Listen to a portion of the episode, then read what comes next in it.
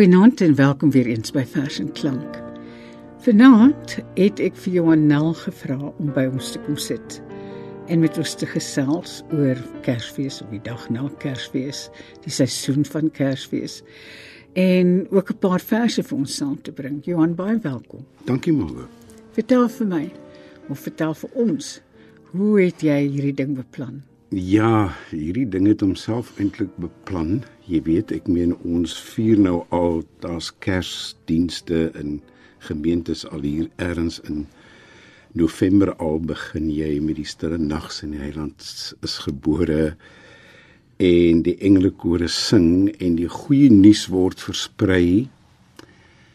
En ten spyte daarvan is dit ook 'n seisoen waar waar mense vreeslik bewus word van verlies En dis vir my nog 'n interessante verskynsel.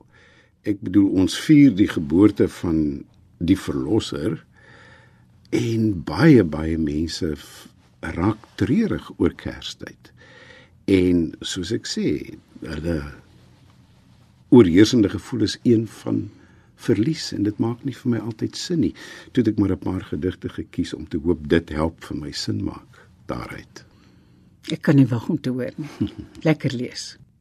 Die eerste gedig wat ek graag vanaand wil lees is 'n gedig wat toe ek hom die eerste keer gelees het, my met 'n vuishou in die maag getref het, 'n vuishou soos wat net Jean Gosen 'n mens kan gee. Spesiale kersaanbod. Die hemelse hekke is remote control met 'n hoompie binne met genoeg sitplek vir almal wat gat vol geshopping is. Maria in die kombuis waar sy hoort bak chips en french fries. Sy het vatlappe aan want daar sonder kan sy bougerhof voel. God met 'n vonkel in sy oog sê: "Neem, eet en drink. Alles is op die huis. Want so lief het ek die wêreld dat ek my sagste lam laat opsaag en mins het vir vanaand se super duper grabbe burger." Cheers, sê God. En lig sy beker bloed.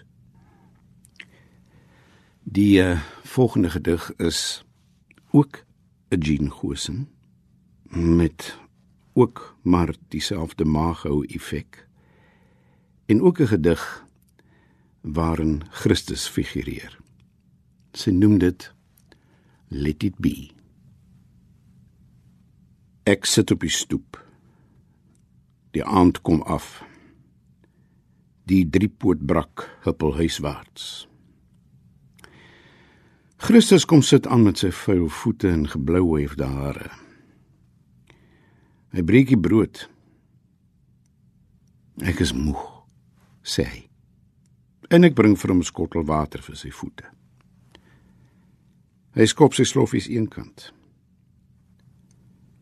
Niks is meer heilig nie, sê hy. Hulle ploeg nou atoomafval in my woestyn. Let it be, sê ek. Let it be. En ek skink sy glas vol wyn. Sorry, sê ek, maar Tassenberg is al wat ek het. By the way, jy's reg. Niks is meer heilig nie. En dit maak my sad. Hoe voel jy? vra die meester. Hoe voel jy regtig? Ek lag. Wil jy regtig weet? Praat met my, sê hy. Hoe voel jy regtig? Ah, wat kan ek tog sê? Alles is in sy moer. Dit help nie om 'n woorde oor te chunk nie. Laat staan nog bid. Ek meen My broer se as is in 'n fles somewhere in Stikland. Hy stamel sonder klinkers, maar ek kop wat hy probeer sê. Let it be, sê die meester. Let it be. Al huil jy bloed. Die oordeelsdag kom ook en my pa slaap nie. Ek kop, sê ek. Ek kop alles. Maar soms verlang ek na die ou dinge. Soos die mooi droewe woorde van jou daddy, goed soos regverdigheid en ewigheid en geluk. Ja, sê die meester. Dis 'n lang wag. Maar hy sal sy woord hou. Ek maak ons glase weer vol. Sorry weer 'n keer, maar Tassenberg is al wat ek het. En wat dit vandaan kom is daar nog baie, so moenie skaam wees nie. Cheers. Daar's baie dinge waaroor 'n mens jou ook kan verheug, sê die Messias. Maar los dit vir eers. Sit daar vir ons 'n sang op, vra hy. Ek doen. Somewhere over the rainbow, sing Judy Garland. Ek breek 'n stuk brood en voer die meester. Mens moet eet ook, sê ek. And that's no bloody maybe. Soms is ek bang vir jou ou dad, sê ek. Hy stuur reën, maar ook goed soos droogte wat diere laat vrek. Let it be. Let it be. sê die Messias. Eintlik verdien aardlinge niks. Maar daar is goeie goed ook. Vat nou vir Judy Garland, sy's tog meer as reën of droogte. Selfs een soos daai ou Patient Strong wat sy soms tussen die lyne kwyt raak. Many a true word spoken in jest. Maar dis julle klomp. Julle wat niks met rus kan laat nie. Wat van die wêreld so omgekrapte onheilige plek maak. Dis julle. You must let things be. You must let it be. Let it be. Dis net sê die meester. Dis net Ag. Nou weet ek ook nie meer wat ek wou sê nie. Is daar nog tassies?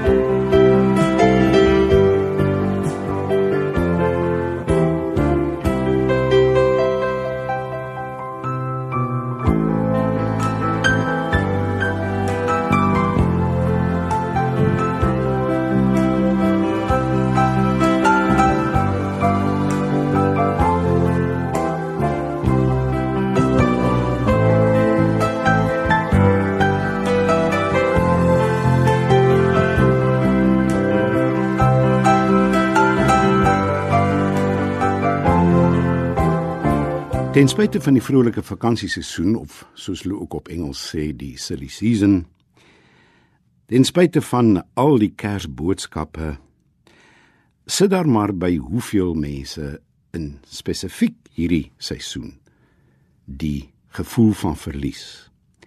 Ek lees nou 'n gedig van die Opperman met die titel Verlange. Hoe langsam is die aande sonder jou? As alles in die stiltes doelloos lyk. En ek uiteindelik 'n boek oopvou maar ure na dieselfde woorde kyk. Totdat ek weet wanneer ek so alleen verskeie beelde uit myself opwek voer siel en siel bo alle skeiding heen tog soms 'n woordelose tweegesprek. Van al my vriende in die stad verskuil en hulle samekomste luid en leeg word ek 'n eensaam afgeslote kuil wat net in dieptes van myself beweeg. Want jou afwesigheid is meer vir my as al die vreugdes wat ek elders kry. En behalwe net verlies is die dood ook by baie mense nou voorop in hulle gedagtes. Hulle mis persone wat hulle aan die dood afgestaan het. En spesifiek vir hulle lees ek Anet Snyman se positiewe gedig met die titel Bemesting wat sy geskryf het vir haar pa nadat hy begrawe is. My liewe pa, dis net verseg Die dodeformulier was alles behalwe reg. Die mens uit stof tot stof. En kyk hoe staan jy met jou derde lente opgetof. Die botsels hermetyk hang rooi. Jou ou mens rimpels lê pasgebore in elke druiweblad van uitvlugse gedolde wingerd fore. Dis 'n stelling wat ek nie goed eens, daardie van die stowwerige mens. Ek ruik jou jaarliks op die lente lug. Jy's onoorwonne vrug. Breiten Breitenbach, toe hy in die gevangenis was, het hy aan sy lyf die verlies gevoel van sy vrou. En hy skryf die volgende gedig: Die geheue 'n kou vol voeltjies. Partykeer. Maar gelukkig byna elke dag. Later in die middag. Net voor dit aand word. Die donkerte val geruisloos en snel. Is daar 'n voeltjie iewers hier buite en bo onder die afdak? Wat die kat loop op hoogte van die selfvensters waar die bewaarders nags met flitsligte en gewere patrolleer moet beskerm. Is daar 'n voeltjie met 'n skoon deurdringende geluid Ek hou my asem vas uit vrees dat 'n argelose wag of die holknars van 'n staaldeur wat sluit die besoeker sal verwilder. Want met al die ore en die holtes van my liggaam en verlange wil ek glo dat dit jy is. Wil ek jou my naam hoor roep? In die stilte bly knoop ek 'n dialoog. Roep nog een keer dan is dit 'n teken. Dan is dit nuus. Gevierde. Kleintjie. Jy moet die ruime noot van buite. Ek het jou nog nooit gesien nie. Is jy rooi? Is jy grys? Of het jy werklik haar donker oë, haar skouers, die lippe om haar mond? Die warm plekkies agter haar ore. Ek sal my stilte in die hoek sit en knoop sodat jy mag praat. Enige iets. Enige iets. Gisteraand tydens die nagskof het een van die wagte so jonk nog 'n seun met 'n pet in die eerste sukkelsnoor hier van bo deur die tralies my vertel dat die owerhede beoog om die afdak toe te maak voor volgende winter teen die koue. En die ore en die ruimtes van my liggaam het leeg geword. Want dan is die graf verseël. En ek soek diep in my na jou stem.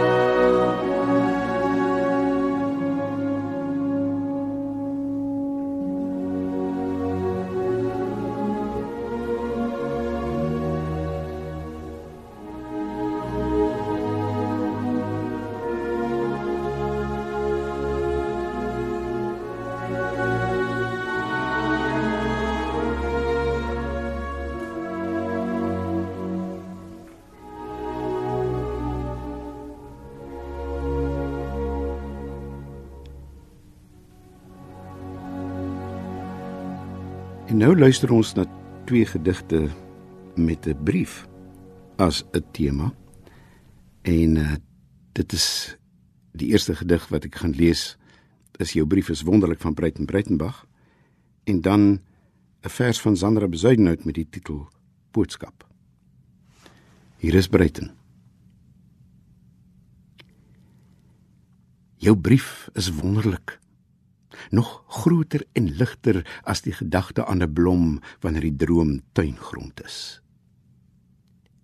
Jou brief gaan oop. Iets ontvou en van buite kom daar lig, kom daar woorde, kom ruimte.